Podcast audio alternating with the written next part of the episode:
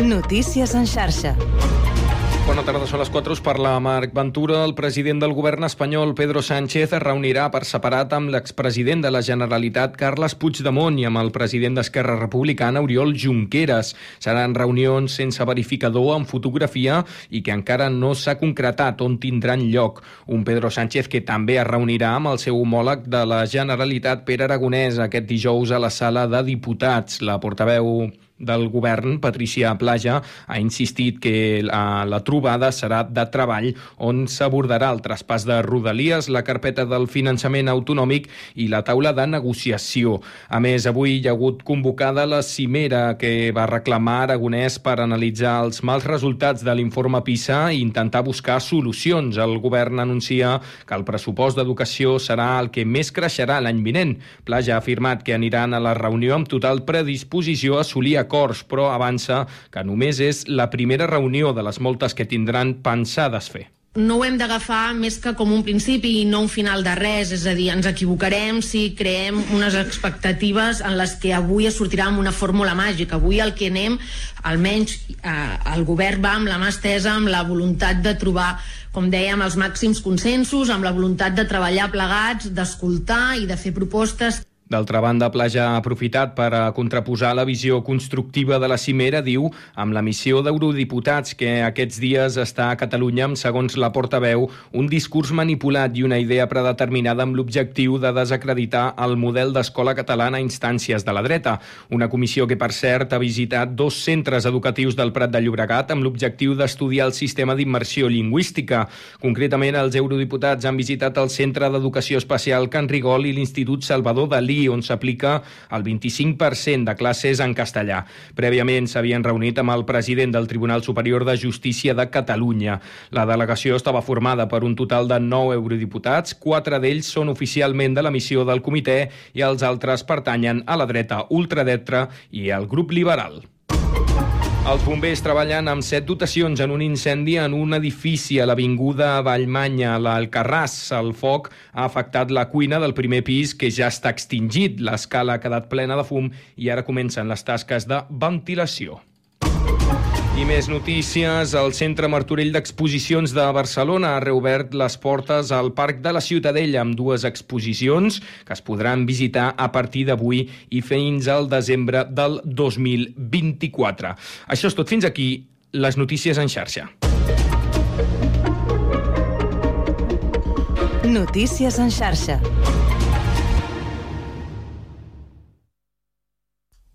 Quatre i tres minuts. Comença al Connectats.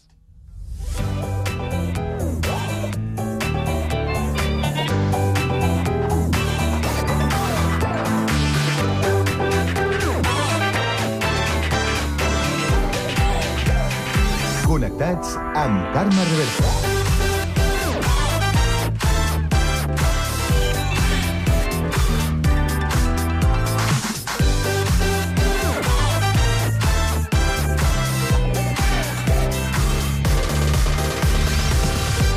Molt bona tarda, salutacions i benvinguts un dia més al magazín de tarda de la xarxa, aquest Connectats de l'àrea metropolitana de Barcelona, programa que fem Ràdio Sant Cugat, Ràdio Sabadell, la Municipal de Terrassa, el Prat Ràdio, Ràdio Ciutat de Badalona i Ràdio Castellà.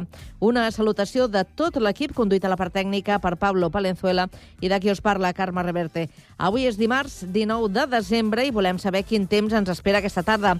Lluís Mi Pérez. Bona tarda. Ha continuat encara ben ferma la boira fins fa poca estona. A hores d'ara s'ha aixecat una miqueta, però no s'ha acabat de desfer de la terra ferma. I, per tant, un ambient gèlid. Avui la temperatura no ha passat ni dels 3 o 4 graus positius en alguns municipis del Pla de Lleida i a la resta del país no cal dir la primavera que estem tenint tant a la costa com a cotes elevades. Al llarg d'aquesta nit continuarà aquesta boira a les comarques de Lleida, sobretot al Pla, persistirà fins al dimecres a mig matí aproximadament i també aquesta nit i demà al matí arribaran molts núvols que aniran deixant el cel més tapat amb alguna nevada a l'Alt Pirineu i quatre gotes escampades per la resta del país. Anirà entrant més la tramuntana al Pirineu, l'Empordà i vent de mestral a les comarques de Tarragona i el dimecres amb el pas de les hores tornarà a obrir-se el cel, marxarà la boira, pujarà la temperatura a Lleida, però en canvi a l'Alt Pirineu quedarà un ambient més fresquet que avui i molt ventós. Us seguirem a la xarxa. Bé, doncs nosaltres avui al Connectats parlarem de l'speedwatching, les conseqüències del consum accelerat de vídeos i àudios. En parlarem amb Silvi Pérez, que és psicòloga i psicopedagoga, professora de la UOC. Acabarem aquesta primera hora amb la tertúlia generalista i ho farem per debatre sobre la prohibició al porno dels menors i de la iniciativa del Teatre Català cap butaca buida. A partir de les 5 coneixerem el terrassenc Pedro Moya, arquitecte. Continuarem amb llengua per valorar la petició de l'ONU perquè es revisin les sentències del Tribunal Superior de Justícia de Catalunya contra la immersió. Li preguntarem a la Mireia Plana, vicepresidenta de la Plataforma per la Llengua. I acabarem amb cultura des de Sabadell també per parlar del llibre Un Nadal embruixat. Tot això i més des d'ara i fins a les 6 de la tarda a la vostra emissora local. Connectats? Comencem.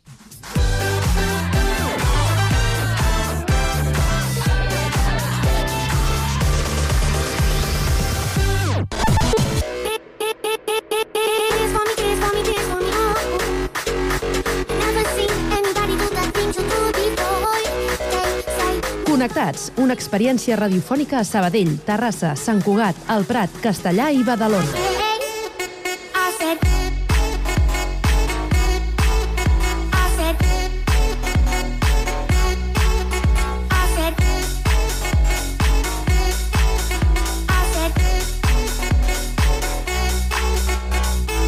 Connectats amb Carme Reverte.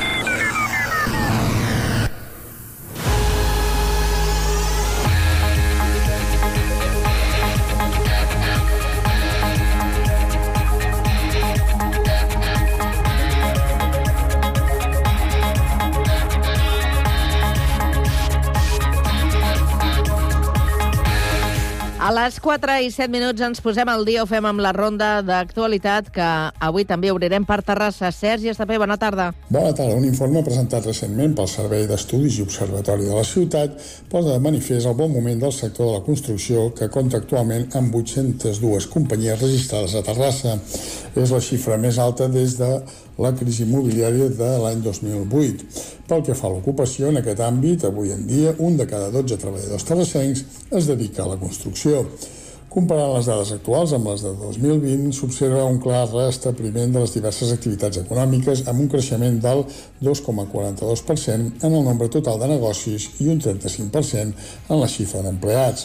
En aquest sentit, la proporció del total de salariats s'ha vist sobreelevada degut al canvi de seu a favor de Terrassa de dos grans centres de cotització del sector del comerç. Així s'ha passat de la xifra de 56.260 salariats al tercer trimestre de 2020 als 75.960 registrats a la fi del setembre d'enguany. L'estudi destaca especialment la notable recuperació que ha experimentat el sector de la construcció. Ha passat de 735 empreses i 4.629 assalariats de l'any 2020 a les 802 empreses i els 5.975 assalariats durant el tercer trimestre de 2023. Actualment, el 7,8% del total d'assalariats a Terrassa es dediquen a aquest sector. Gràcies, Sergi. Continuem ara des de Sabadell per saber què és notícia en aquest municipi. Pau Duran, bona tarda.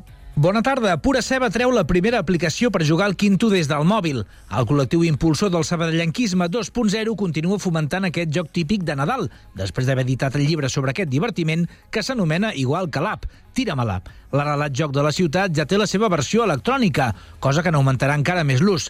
Fèlix Saiz, desenvolupador de l'aplicació de només 18 anys, explica al programa al matí com va tenir la idea. Ara juguem cada any al Nadal, des de fa uns anys ja, Sí. i doncs està, anàvem a casa dels Vigues, uh -huh.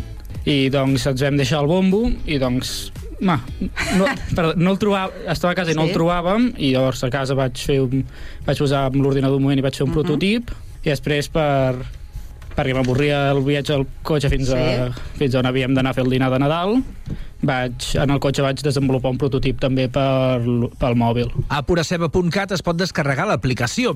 De moment, la d'Android encara no està disponible a Google Play, però des de la web es guien tots els passos per poder instal·lar-la al mòbil. Un cop oberta, s'escull ser lloro o jugador. Se suggereixen rèpliques, es comproven els resultats, es pot triar el tipus de carta i a cantar s'ha dit.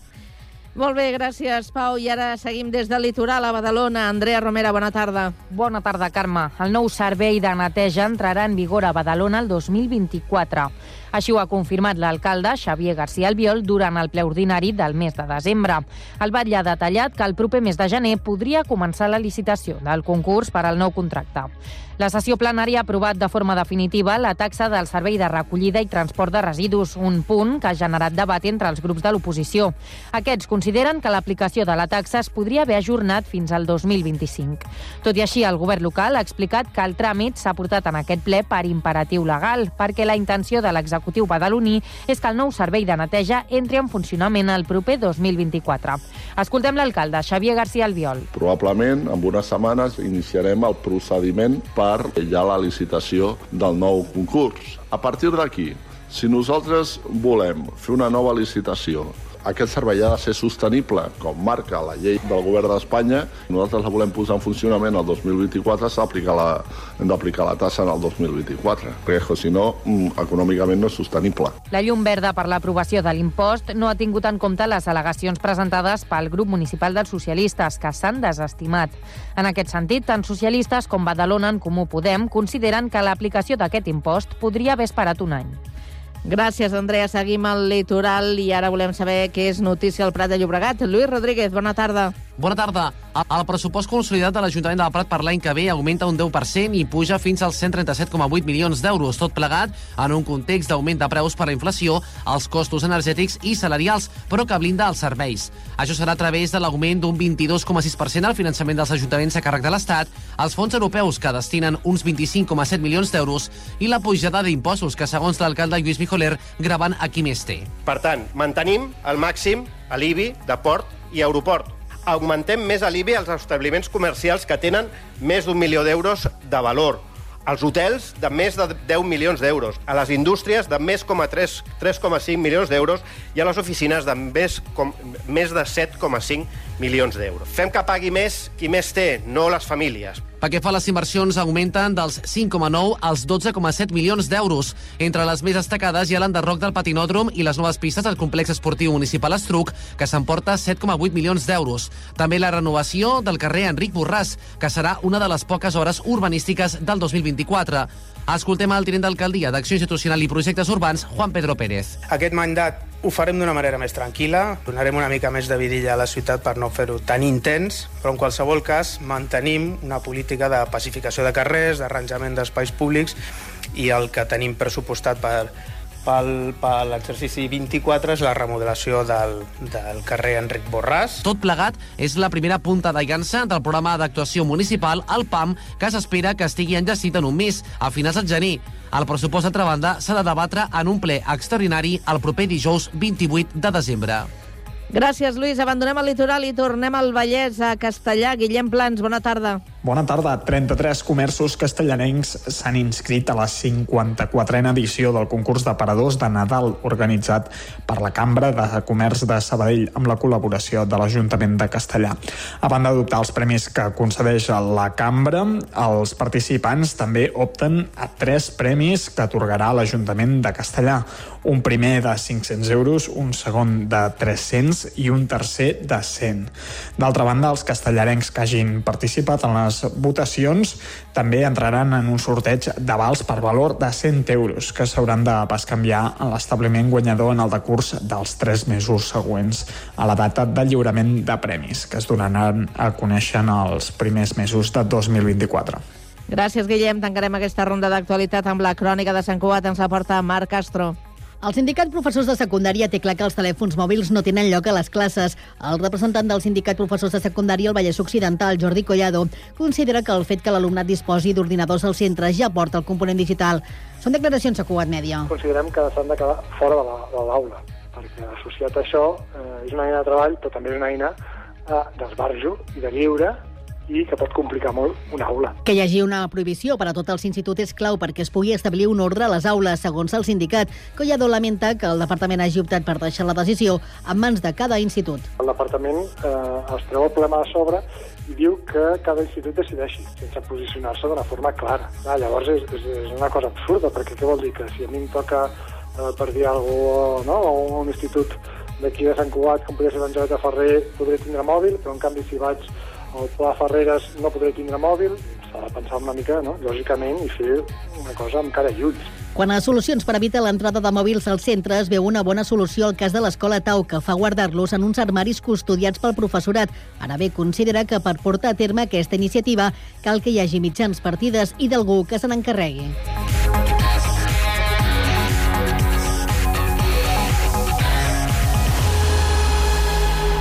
A la tarda, no et desconnectis.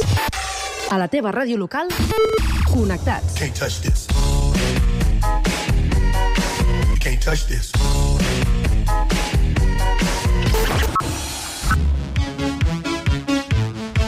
Can't touch this. Can't touch this. Connectats amb Carme Rebell.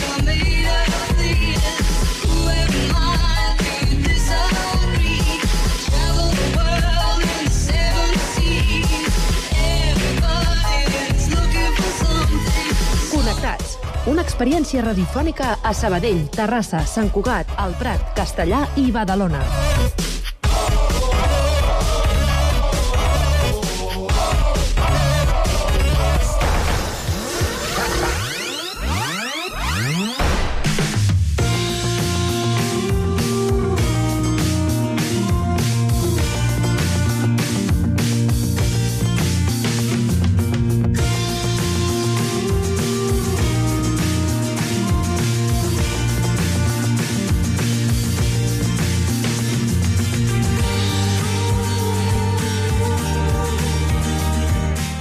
L'speed watching és una tendència cada cop més recurrent entre les generacions joves. Consisteix a consumir els continguts audiovisuals a velocitat accelerada. En parlem sobre aquesta qüestió amb Silvi Pérez, que és eh, pedagoga i professora d'Estudis de Psicologia i Ciències de l'Educació a la UOC. Molt bona tarda, Silvi. Hola, bona tarda. També saludem a la nostra companya Andrea Romera, que es troba als estudis de Ràdio Ciutat de Badalona. Andrea, bona tarda. Andrea, bona tarda. Hola, bona tarda, em sents ara? Ara sí, ara sí, perfecte. Ara. Bé, doncs, eh, eh, avui parlem d'aquesta tendència que comentàvem, que, Silvi, eh, ens podries explicar d'on d'on prové aquest concepte? Quin és l'origen?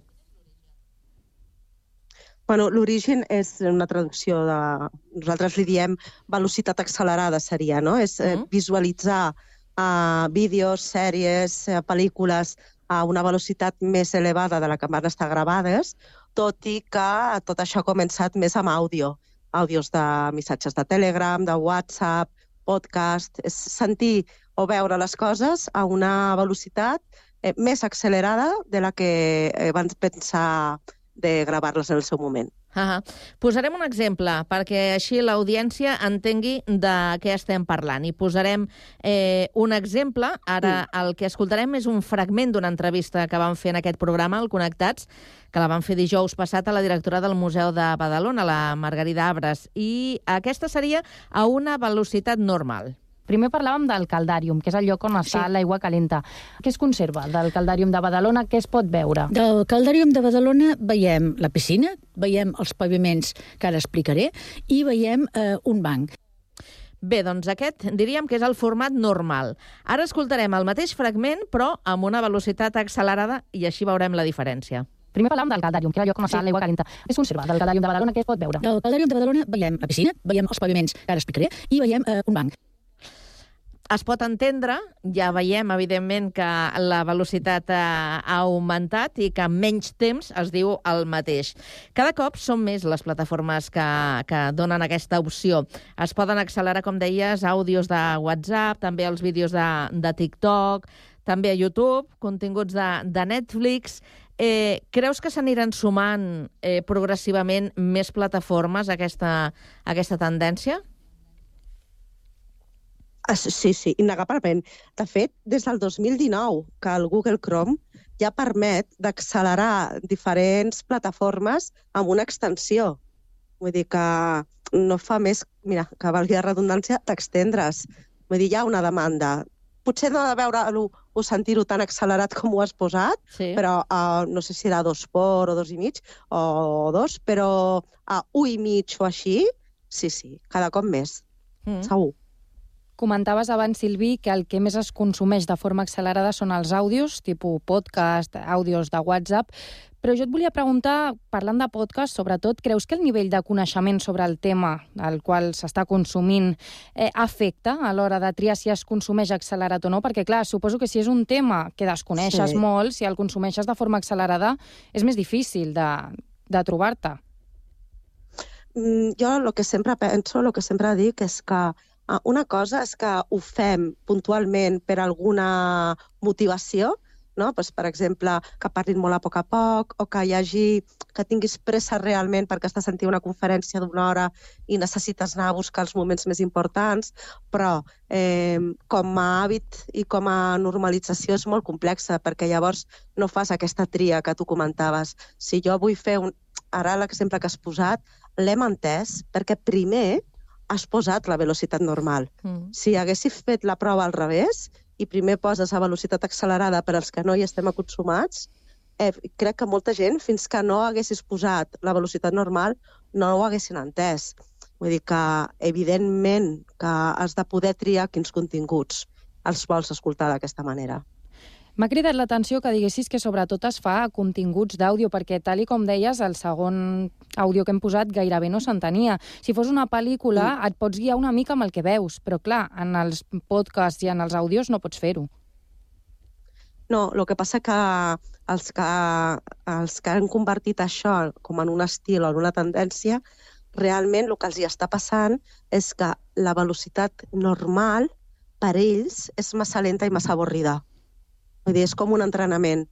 T'acostumes a veure-ho o a sentir-ho així i així és com ho vas decodificant. Quins són els factors que expliquen aquesta tendència de l'espeedwatching? El que, el que diuen els estudis és que en, en un primer moment ho pot fer qualsevol persona, doncs per lo que jo què sé, eh, coneixes algú que saps que l'àudio dura 5 minuts i no tens els 5 minuts però vols sentir el que diu, doncs mira, el passes una mica més ràpid, o necessites fer un treball, o necessites fer alguna exposició i necessites visualitzar, llavors, bueno, com que anem en un món amb presses i tot és per ahir, i les hores ens falten, i hem de respondre adaptativament a aquestes presses, doncs un dels factors és aquest. L'altre factor és eh, un, un tipus d'ansietat, diríem, que es diu FOMO, que també ve de l'anglès, que és la por a quedar-te exclòs de les converses, de lo que s'està parlant, perquè no hagis consumit el que tothom està consumint. Poso un exemple. Eh, hi ha alguna sèrie que sigui molt famosa, no? I tothom en parla. Doncs clar, si tu no l'has vista, potser la vols veure. I te la vols veure en un cap de setmana per poder arribar el dilluns i haver-la vist. O hi ha un capítol nou d'alguna sèrie o d'algun programa de televisió i resulta que tu tens dues hores per veure'l quan la gent ha tingut cinc, aquesta por uh, que jo no ho he vist, o sigui, jo no ho he consumit i per tant em quedaré sol i no em podré parlar amb ningú, això és molt potent. Hem dit al principi que aquesta tendència és més freqüent, sobretot entre les generacions més joves. Se sap el per què d'això? Una mica per aquesta, perquè és un consum digital. Llavors, eh, jo crec que és una mica generacional. La gent que són més grans i que són més grans que la meva generació, eh, hi ha poc ús digital o tenim eh, una costum molt més pautada del consum. No? Venim d'una televisió per hores, en què si vols veure un programa t'esperes que el programa surti. I, en canvi, les generacions més joves això no ho entenen. Ells trien el contingut que volen veure en el moment que el volen veure. Jo crec que aquest component generacional també fa. Hi ha algun és perfil... L'hàbit amb el que consumeixes. Perdona, hi ha, hi ha algun perfil concret de jove o és una qüestió no més general? estudiat. No, sí. És una qüestió més general. Que jo sàpiga, eh? no hi ha estudis que hagin perfilat clarament. Però sí que és aquest perfil una mica de, del temor a... Hi ha gent que li és més igual, no? Si ho he vist, ho he vist, i si no ho he vist, no ho he vist. Hi ha altres persones que això els hi afecta més. Una qüestió d'inseguretat, podríem dir, per Sí. exemple? Sí, sí, sí, sí. Una mica aquestes persones que tothom mira un partit de futbol, no? I tu dius, bueno, el miraré mm, per dir que l'he vist, Mm. o que hi ha un no sé què. Vale. Doncs seria com això multiplicat per 10. Ho he de veure tot perquè és que si no, no em podré parlar, no podré comentar o no estaré al dia. Abans comentàvem això, que el consumir els continguts de forma accelerada fa que no es processi tota la informació. Aleshores, et volia preguntar, en el cas dels joves i els adolescents, sobretot, que estan encara en aquesta fase de desenvolupament del cervell, quines conseqüències pot tenir? Bàsicament en, en dos aspectes. Sempre dic quan això és un habitud, un hàbit, eh? no quan ho fem puntualment. Eh, hi ha una qüestió molt de la gestió del temps d'espera. És a dir, són una generació eh, que cada cop és més impacient. El nostre món cada cop és més impacient. No sabem esperar. Llavors, això incrementa una mica, és a dir, acostumar-nos a visualitzar les coses més ràpid, a sentir-ho més ràpid, alimenta una mica aquesta poca gestió del temps d'espera, no? aquesta impaciència, el acaba i començo, acaba i començo, una mena de cercle viciós, no? de vaig consumint, bueno, això, poder-te parar és una de les coses que cada cop està costant més. L'altra és en termes de... Digues. No, digues, digues. Continua. No, no, no, perdona, que m'enrotllo. No, et volia comentar no. que això es pot extrapolar també al tipus de contingut que consumim, no? perquè es van començar consumint pel·lícules, després van passar a vídeos de YouTube, que eren més curtets, i ara ja estem als vídeos de TikTok, que són 15 segons, i ala, i següent, vas passant, vas passant i no s'acaben mai. Clar, perquè mai en tens prou. Ve a ser una mica com si jo m'acostumo a 10, a 10 minuts, però després ho puc fer en 5, doncs si després ho puc fer en 2, perquè hi ha tot aquest envoltori social de la pressa, eh? Vull dir, les entrades les compres amb un any d'avançament, la... tot va corrents, tot va abans, tot, va... tot és accelerat. Llavors, clar, estar com immers en tot això, els temps d'espera costa molt. I l'altra cosa que t'anava a dir és l'atenció, perquè el que deies ara dels vídeos de TikTok, 10 segons. És el temps que aconsegueixo de mantenir-me atenta en un vídeo. Mm. Eh, En 10 Sil- segons no faig res. Silvi, pel que estaves comentant, ara m'estava imaginant una conseqüència així molt ràpidament. Això eh, pot eh, eh, afavorir el, el TDAH? Mm, a veure, no m'arriscaria a dir això, perquè s'hauria de, de demostrar, mm. però sí que et diria que el nostre món té molt més infants amb TDAH que fa un parell de generacions. Val? Llavors, jo penso que són dos situacions que són reactives, és a dir, dos, dos maneres de funcionar que són una mica reactives al component social que ens toca viure. Mm -hmm. Sílvia, hem parlat de No sé les si eh? conseqüències... Sí, sí. Sí, i tant, i tant. Hem parlat de les conseqüències negatives fins ara, però et volia preguntar si existeix algun benefici, potser a l'hora de fer treballar el cervell, no? Com que ha de treballar més ràpid. Sí, sí, és veritat, eh? Hi ha algun estudi també que està sortint ara que comenten que, el que et deia abans, això no deixa de ser un entrenament, no? És a dir, tu al principi aquest àudio no el pots entendre, però al final, si et vas entrenant, també pots arribar-lo a entendre.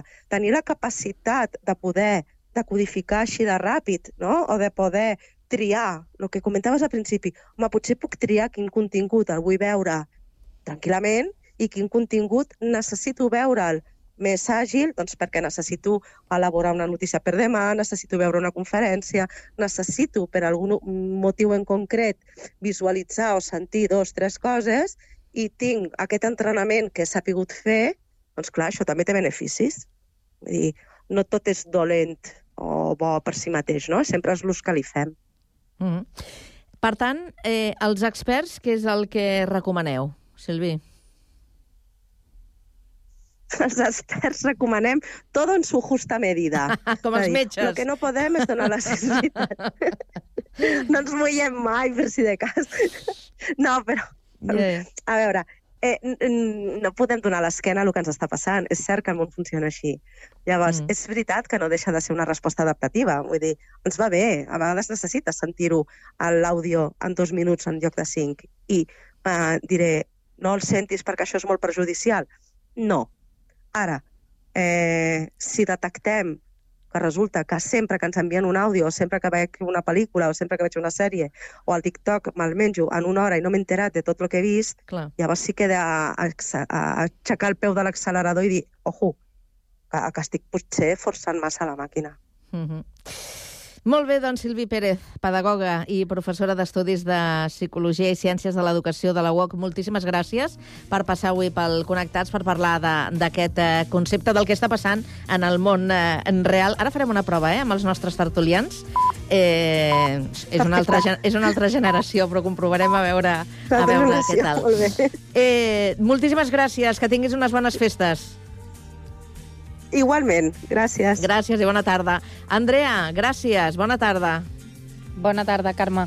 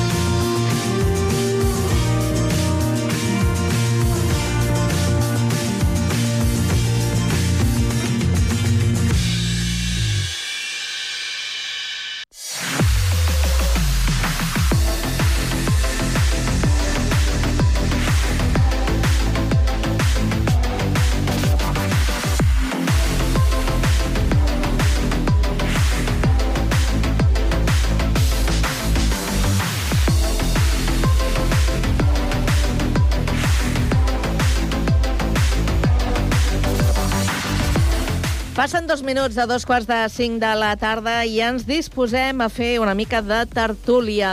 Avui la farem en companyia de l'Esther Amiel, que és artista i activista, i la tenim a Sabadell. Esther, bona tarda. Hola, hola, bona tarda. A Sant Cugat tenim a la Lourdes Dalmau, que és profe professora llicenciada en Economia i Empresa. Lourdes, què tal? Molt bona tarda, molt bé. Molt encantada. bona, molt bona. Acosta't una mica més al micro, que si no sembla que estàs a Sabadell amb l'Ester. Clar, si no, no, no et o si no, mira, ja sé què faré. Faré, faré això del, de l'speed watching. A veure si, si accelerem eh, i li donem una miqueta més de vida a, a això. Eh, tenim ja a punt el tertulià de Badalona, el Xavier Soler i el director de la residència de gent gran de Santa Coloma. Xavier, bona tarda. Bona tarda, bona tarda. Aquí Sí, estic, sí, aquí sí, estic. sí, molt bé. Bé, doncs, mira, abans de, de començar amb els temes que teníem previstos, vosaltres practiqueu això de l'speed watching, això d'escoltar eh, àudios o veure algunes imatges eh, així accelerades?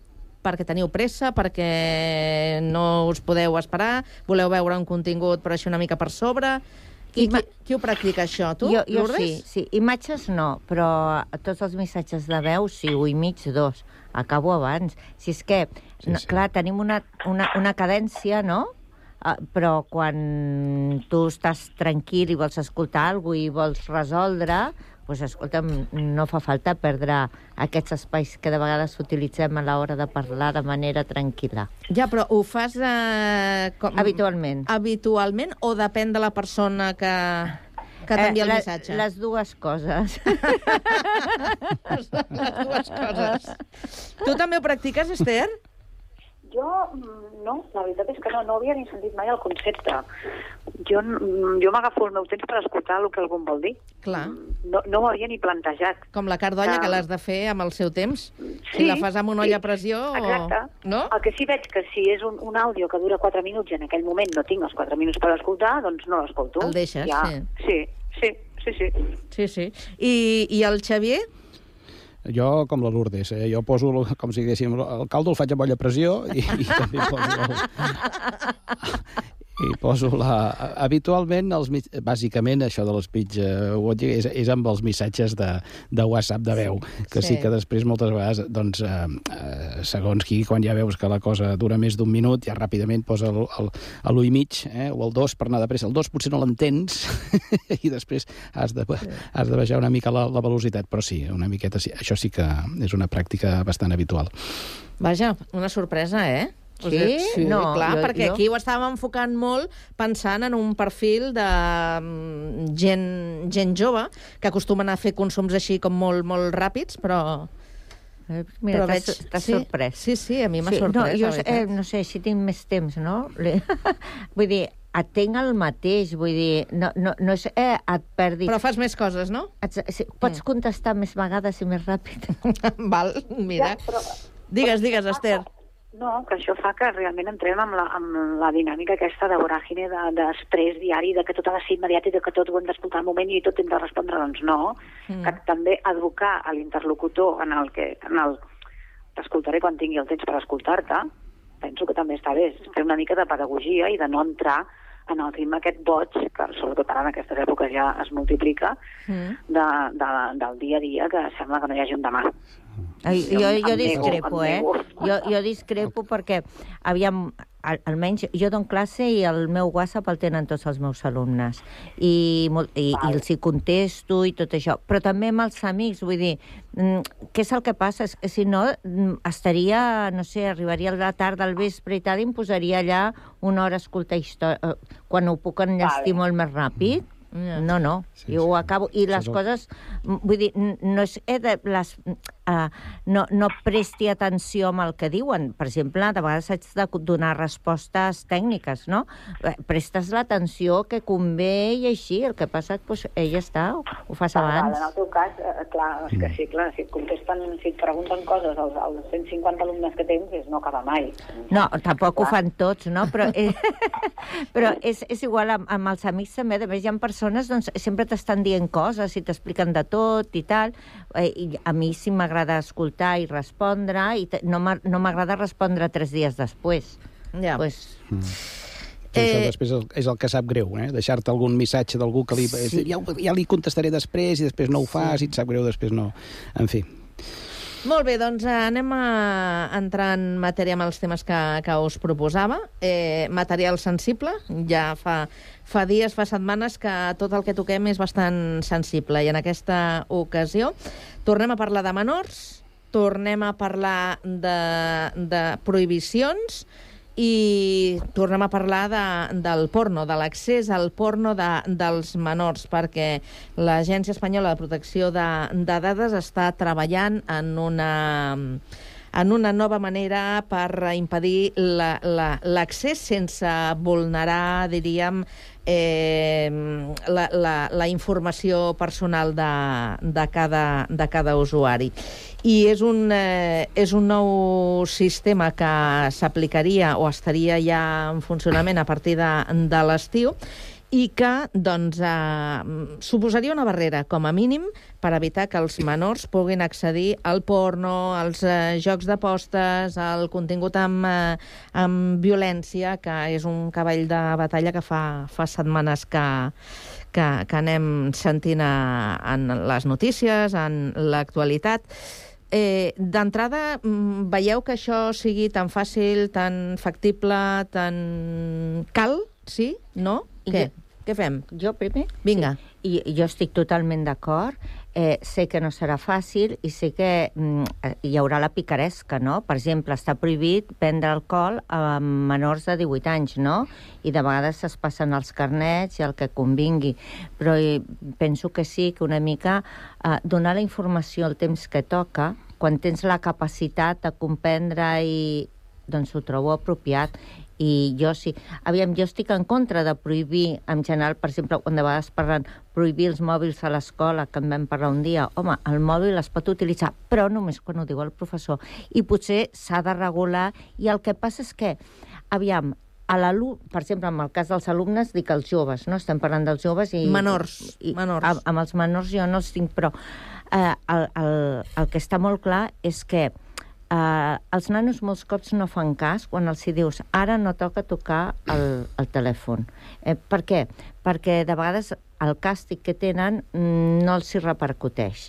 Eh? Jo, mm, si almenys dins de l'àmbit escolar, si toquessin el mòbil per veure el que vulguin, per... després també hi ha el bullying, a, a través del mòbil i totes aquestes coses. Si no, si no estan educats per, re, per fer un ús apropiat i tal, llavors els, els sancionaria. Però com? D'una manera tal que els pares s'hi haguessin de comprometre. I això com ho fas? Doncs si l'enganxes amb el mòbil fora d'hores fent eh, un, una utilització inapropiada, jo li diria el dia següent et quedes a casa. Però estem parlant de l'accés en concret estem parlant de l'accés a, la, a la pornografia. Bueno, és que... que, és que el... pot ser a través del mòbil, pot eh, ser a través de l'ordinador... Bueno, de tots els mitjans, clar mm -hmm. està. O sigui, sí, no. jo... El, a, a, a més a més, mira, perdoneu, eh, però eh, eh, jo molts cops eh, els he fet la reflexió amb, amb els alumnes de dir-los fins i tot una mica més gran. Indiscutiblement esteu madurs físicament i, i teniu molta... Però esteu madurs emocionalment per emprendre de vegades fins i tot relacions sexuals. Et trobes jo considero nens d'avui en dia tenen 12 anys relacions sexuals i si a sobre han vist pornografia ja no et dic com se la imaginen i com la practiquen. Mm. Clar, que aquestes edats estiguin a aquests nivells quan les conseqüències ni econòmiques no ho veig apropiat. Molt bé, vinga, Esther. Tenim l'Esther o ja... Sí, sí, ah. sí, sí, sí, estic aquí, estic aquí. Vols, vols que li donem pas al Xavier? No, no, no, no, no, no cal, Vinga. no cal. Um, jo opino bastant, si no t'he interpretat malament, uh, estàs en contra bastant de les, de les prohibicions. Jo estic molt d'acord amb tu, si és que ho he entès bé, eh? Um, en, en principi, les prohibicions no ajuden, a, no ajuden a, a, a fer créixer una persona, no ajuden a la societat en general. És a dir, no coneix, si, no, si a tu et prohibeixen alguna cosa, és difícil que després no vulguis anar a provar què hi ha al darrere de la prohibició. No sé si m'explico. Llavors, és molt més fàcil fer per, molt més fàcil. Igual és més complicat, eh? però és més productiu i més bo que facis pedagogia, que els hi expliquis, que els hi controlis, que els hi diguis, veus, per qui no, per qui sí, això és el que no es pot fer per això, per això i per això. Ja sé que és molt més complicat a nivell social, amb, amb, amb, tant a l'escola com a casa, els amics i tal. És una feina molt més complicada, però penso que és el que dona els resultats que tots volem, els més òptims. Mm. Però, Perquè amb les prohibicions no anem enlloc. Ja. Uh, Xavier, home, a veure, eh, podem parlar de prohibició, podem parlar de limitació, no sé, eh, però sí que, a veure, el que no és normal és que nanos de 9, 10, 11 anys tinguin una facilitat d'accés al porno eh, que, que, que és inaudita. Vull dir que això era impensable fa no molts anys, fa pocs anys, no? Però clar, jo crec que aquest, tema de la facilitat d'accés al, al porno és com una derivada, una derivada molt negativa, de la facilitat i la, la, la, la, de l'accés a les, a les xarxes i a les pantalles, no? I després aquesta extensió que aleshores que cada vegada més els infants i joves perden o, o, o estan, no dic per dir totes perden, no? estan enganxats a una pantalla, no? Aquesta facilitat de del porno jo el veig com una derivada, eh, això. Per tant, que hi hagi una prohibició. I, escolta, hem de parlar amb plata. Que hi hagi una prohibició, una limitació prohibitiva, que a nanos, infants de, petits, i estic parlant de 9, 10, 10 11 anys o 12, com, com en aquest moment es té constància que, que hi poden accedir, puguin tenir per accedir a continguts pornogràfics o violents, home, això em penso que és normal. Eh, I em penso que... Eh, la, la, no, no, a veure, però, a veure, oi que també és veritat... Oi que també, perdona, oi que també és veritat que no poden... O sigui, no els hi deixaries a un nano de 10-11 anys doncs, eh, que cada cap de setmana agafessin ampolles de, de, de, de vodka o de, o de ron i, i, i prenguessin alcohol a mansalva. Doncs aquesta prohibició o aquesta limitació també s'ha d'extendre en aquests altres continguts. I Però a més, no és controlable. Eh, no és el mateix un nano... No, no, no és el mateix. Jo dic, hi ha d'haver un tipus de limitació, com aquestes, aquestes ara, diguéssim, eh, algun tipus de limitació que faciliti, que faciliti, doncs que, bueno, que el, el, el consum, diguéssim, de continguts eh, pornogràfics es limiti a aquestes edats. És a dir, que d'alguna manera entenem que això pot ser el, el normal. Perquè si no, d'aquí, d'aquí, tota aquesta eh, incapacitat que hi ha als nanos de concentrar-se a les escoles, de, o d'entendre més endavant, quan comencen a ser adolescents, entendre com són les relacions afectives, o bé eh, no, de veure com a normal conductes o pràctiques perquè les han anat veient constantment amb escenes eh, violentes o agressives del contingut pornogràfic i que ho veuen com una cosa normal. Tota aquesta distorsió de la realitat, això no, no ajuda gens a una persona que està en procés de formació i de creixença. Per tant, si som conscients de que i estem d'acord que això no us ajuda gens, hi ha d'haver algun tipus de limitació. Sí. Per tant, eh, entenc que és així, perquè és que si no, bueno, ens trobarem amb joves i persones adultes doncs, amb forts problemes d'addiccions que, bueno, que ja comencen a, ja comencen a haver-n'hi, no? Per tant, cal buscar algun tipus de limitació això. I resulta que, curiosament, hi ha països que això ho estan fent. Xina ja està limitant aquesta, aquests, aquests continguts per, per part dels nanos, dels infants i joves. Per tant, ojo, ja diràs, oh, és que Xina és una de, no, no és una democràcia. Sí, sí, però d'alguna forma se n'han donat compte també d'aquestes situacions. Com poden provocar una distorsió als nanos que estan en aquest període de creixença.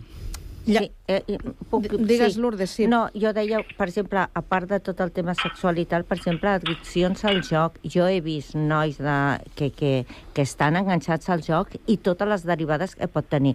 I llavors el que dic, eh, aviam, eh, prohibir doncs, determinades coses per tenir un ordre a la societat, ja ho hem de fer. Els nanos de menors de 18 anys no poden no. conduir, ho tenen prohibit. Vull dir, eh, sí, s'ha de posar algun tipus de limitació que determinades coses, diguem-ne, no siguin accessibles a determinades edats perquè no tenen la capacitat d'assimilar-les. Val, doncs anem, anem a la versió de l'Ester. Eh, mm, si no posem limitacions, no, no posem eh, prohibicions, anem al terreny de, de l'educació, no? Eh, com s'estan fent les coses? Eh... Molt malament. Està clar, no? Mm, molt malament. Sí, molt malament. A, aviam, uh, en quant a, a continguts de matèria... Dic educació, uh, la que es pugui impartir a casa i la que es pugui impartir eh, sí, al, és que... als, als centres, perquè jo, jo per mi l'educació molt, molt, molt ve de casa. O sigui, en els centres hi ha un, un, una, una part d'aquesta educació, és la relació entre els companys. Però eh, el que, el que t'ensenyen, diguem-li, l'escala de valors del que és correcte i incorrecte, això és, bàsicament es rep a casa. I jo ho, ho veig d'aquesta manera. Esther. Sí, molt d'acord, és, és així. Eh, el que hauríem de corresponsabilitzar-nos tots de l'educació d'una certa part de la població. A mi em fa gràcia perquè tothom eh, es permet ser pare i ser mare, i ara el comentari serà una mica xungo, eh? però mm, hauria de tenir s'hauria de tenir un carnet, no? No, no, no sé com dir-ho. Sí, aquesta idea. Vull dir que mm, ja, ja m'enteneu, no? Sí, sí, sí. sí. Eh, és com, vinga, va, i no, i, i després és quan es deleguen totes les responsabilitats de, de l'ensenyament, no de l'ensenyament, sinó de l'educació a les escoles, i les escoles no poden assumir tot això. És que és impossible. No, no es pot assumir. I més amb els canvis que estan havent-hi socials, amb els canvis de paradigmes que hi ha actualment, en què ara tothom pot accedir a les xarxes, tothom pot... Jo ho veig com molt impossible, és molt difícil controlar l'accés a tots a, als menors a les xarxes, perquè si no ho fan a casa ho faran amb algú que no sé què, amb algun amic més gran que tinguin. O, vull dir que jo, per mi l'única solució és la pedagogia, però no la pedagogia per part, per part del, de l'escola, dels mestres, dels professors, sinó per part de, de, dels amics entre, dels pares, dels amics, dels tiets, dels avis, de la família en general i, i dels amics. O sigui, és que és, és fonamental. O sigui, de, de fer de les relacions, per exemple, una, un, una conversa més normal, no? no eh, mm, vaig sentir unes converses, crec que era de la responsable a Galícia de, sobre el tema d'educació, sembla, allà ho han limitat molt, no ho han prohibit del tot, però ho han limitat molt. I diguem-li, un dels efectes que van notar és que aquesta ansietat que de vegades tenim tots amb el mòbil, jo m'hi poso la primera, eh? Sí. eh però que eh, tot això la van suavitzar molt perquè com que tots els nanos, diguem-ne, se'ls mm, treia la possibilitat d'accedir al mòbil, doncs ja tots estaven més tranquils perquè sabien que no havien de Mm. No rebre... hi havia ningú, clar. Que no hi havia, ningú estava amb, amb, amb, a, a, a l'aire, no? Vull dir, tots estaven... Que no s'estaven perdent res. Exacte, mm. exacte. I clar, doncs, posar aquestes... mm, Posar normes s'han de posar. Vivim en societat i per respectar els espais s'han de posar normes i limitacions. Jo penso en les limitacions, intentar aprofitar-te al màxim del que et dona a l'abans el coneixement i la tècnica, indiscutiblement. Però eh, s'han de gestionar perquè es vagin assimilant de la manera apropiada. I s'han de posar recursos. Mira, S'han de- Ja- ja- ja. s'ha d'invertir en recursos. Bueno, jo, això de, ja. sempre demanem recursos, recursos, s'han de treballar millor, i de vegades és... Eh, escolta'm, jo he vist moltes coses que jo al·lucino de vegades amb... amb amb, amb, amb, com ho dic això, amb, amb l'actitud dels pares davant de l'actuació de, dels nanos, no? Dius, corregeix-lo, si us plau. Jo, jo de vegades pel No, carrer he anat sí, corregint. totalment. Proteccionisme. I- Un proteccionisme, Un proteccionisme sí. excessiu. Deixem el Xavier, vinga. No, no, a veure això que deia també l'Ester, vull dir, eh, eh, no, es pot, no pot recaure tot a l'escola, tota, la- tota, tota l'educació en aquest sentit de la- de l'ús del contingut, de, de, de l'accés a les xarxes, que tot això sigui educació en l'àmbit escolar. Penseu que de 24 hores al dia, 5 o 6, els nens, els nanos se'ls passen a l'escola. Posem unes quantes hores de descans, que poden ser 8, eh, 9, depèn però és que en queden 10 ben bones, de temps lliure, de temps en família, de temps amb els amics, i, i aquestes hores I perdoneu, són també... i, i, i Exacte, incís, i, i a- l'escola, aquí- amb les ràtios que hi ha per, per, per professor, és el, el que jo dic, posar pot recursos... ser, pot ser més dir això. complicat, sí, pot ser més complicat. Però jo hi torno amb aquesta idea que potser, no sé, em dóna la sensació que al final tots... Sigui, cal crear algun tipus de, de filtres eh, a través de, de PPs, el que sigui, per limitar eh, aquests, eh, l'accés a aquests continguts.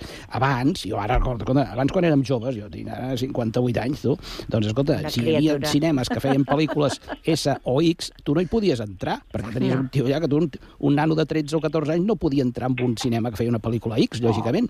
Uh, i, Jo- i, jo hi havia una limitació. Hi havia, hi havia, ara, escolta, potser quan estàvem, anàvem a primer o segon de BUP, n'hi havia un que ens deia, escolteu, he trobat una revista que no sé Sí. què, i després tots al pati anàvem corrents a veure aquella revista. Bueno, sí, però aquest, aquesta, aquest accés no té res a veure amb l'accés actual, d'ara, amb les facilitats d'ara. Sí. Totalment Abans descobries, quan feies segon de BUP i tenies 14 anys, descobries que hi havia unes revistes, que hi havia unes senyores allà estupendes.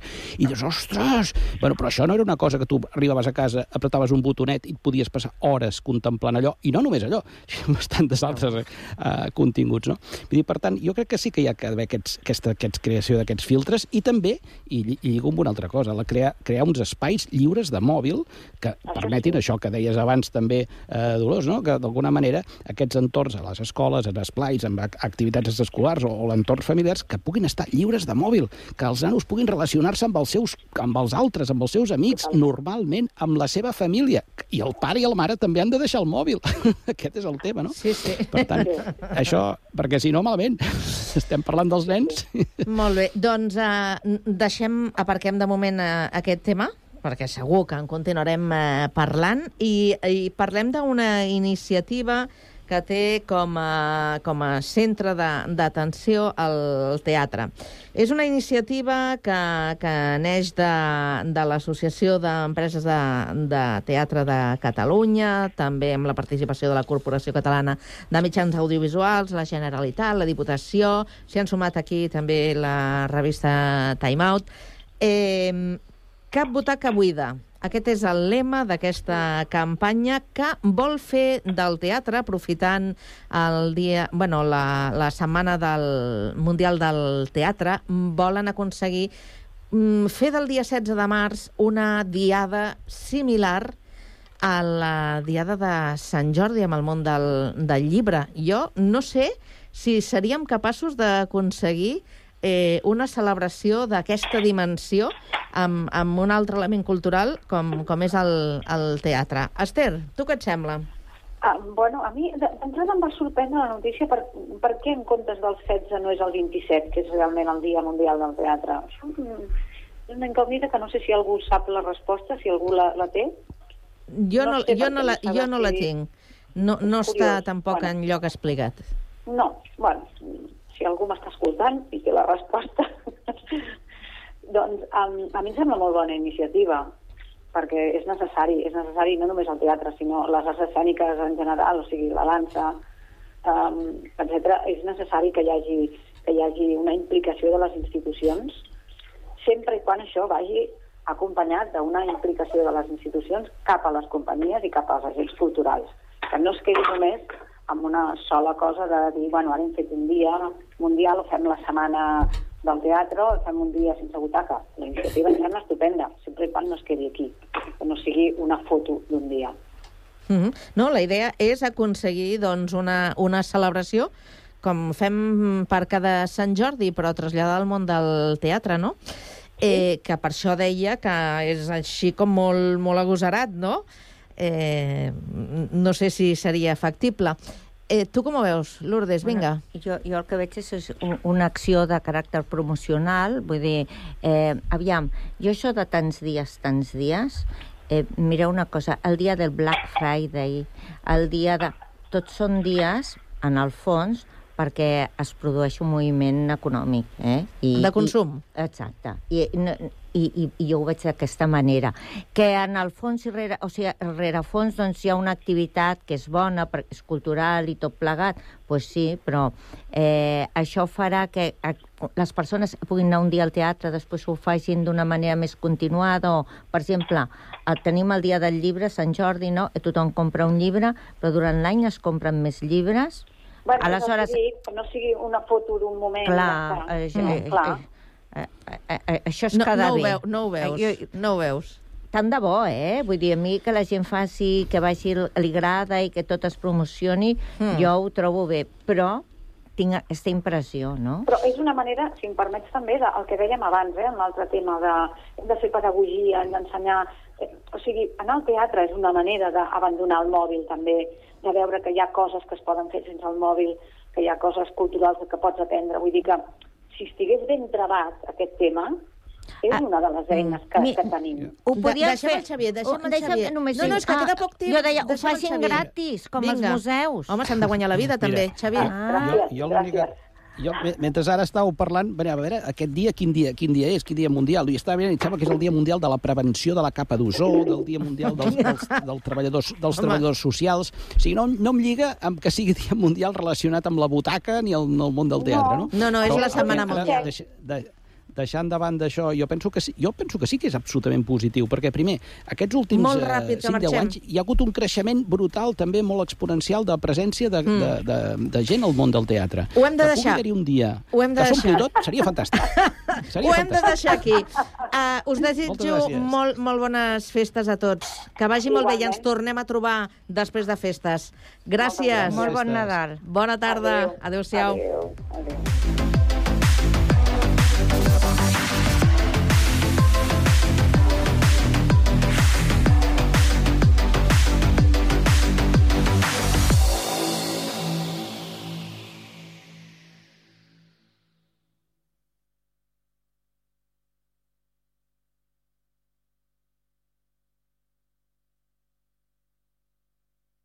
Cugat Ràdio 91.5, la ràdio de Sant Cugat.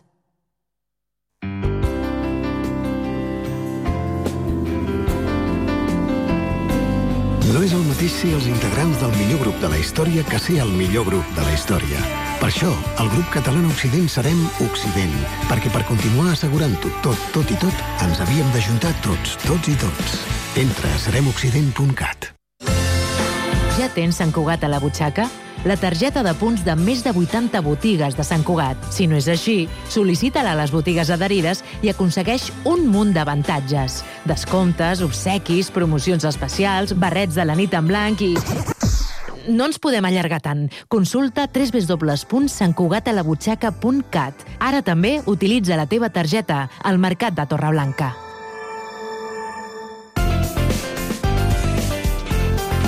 Ràdio Sant Cugat. Cugat Mèdia.